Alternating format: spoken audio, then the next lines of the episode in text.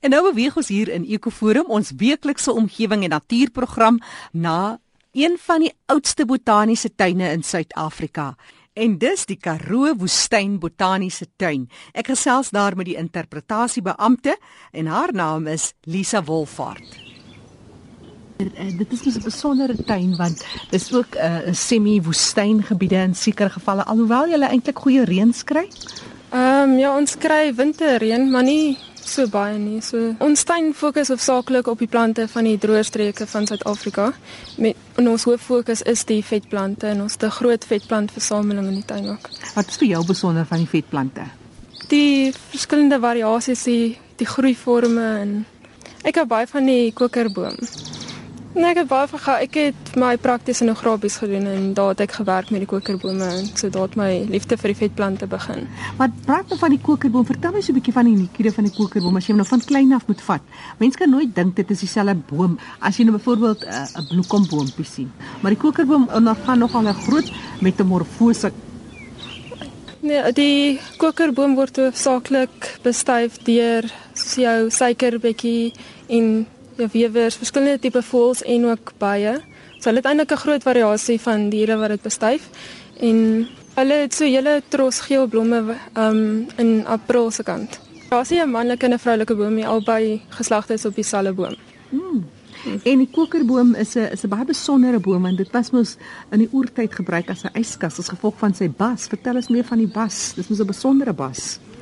Omdat dit 'n alwyn is, die binnekant is baie soos 'n spons en dan het die mense se gat in die onderkant gegrawe in die sien maar 'n vleis of goeters bederfbare produkte aangesit en dan baie keer het hulle dit afgesny en dan het hulle water oorgooi sodat dit afkoel en dit soos 'n yskas is. Wat se staat is dit op die oomblik?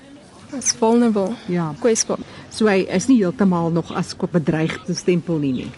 Ehm um, nee, in die Noord-Kaap hulle is hulle redelik algemeen. Dit is nou net daar meer na die Rigtersveld se kant toe waar hulle dit deesdae te warm is. So die kokerbome kan nie ontkiem as dit te warm is nie. Hulle is redelik spesifiek. Uh dat dit 'n besondere boom is, is nou die een ding wat jy het by by die uh Woester Botaniese Tuin. Nee, dit is eintlik hier so lank naam is Karoo Woestyn Nasionale Botaniese Tuin, maar ons sê sommer net Karoo Tuin. Dis die tweede oudste tuin van Sambi. Kirstenbos het laas jaar hulle 100ste jaarste verjaarsdag gevier. Ons vier ons in oor 7 jaar. So ons het in 1921 begin. Ja, ons begin nou om die tuine reg te kry vir dit, ja. Ons is besig met 'n erfenistuin wat hoofsaaklik fokus op die khoisan. So ek het 'n bietjie navorsing gedoen oor die khoisan om te sien watter plante hulle gebruik vir verskillende doele.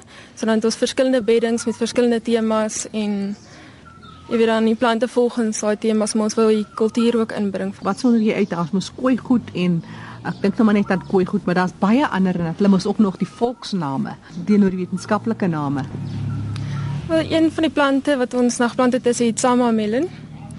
En ek dink dit was vir my net baie interessant om te leer van dat hulle tyd die vrugte kan vat en dit onder die grond kan sit in die sand en dan kan dit nog vir 'n paar maande reg wees wat hulle kan gebruik sodat hulle vir 'n langer tydperk toegang het tot uh, water. Want dit is so 'n waterlemoentjie, né? Ja. 'n Kalbassie eintlik. Ja, ek dink Afrikaans sê bitterboela. Lisa Wolfhard wat gesels het van die Karoo Woestyn Nasionale Botaniese Tuin op Woester, besondere tuin wat sedert 1921 al 'n botaniese tuin is. En uh, mense kan seker net bly wees dat dit vir die nageslag behou is. In 2021 beoog hulle om om hierdie tuin aan die publiek op 'n ander manier bekend te stel.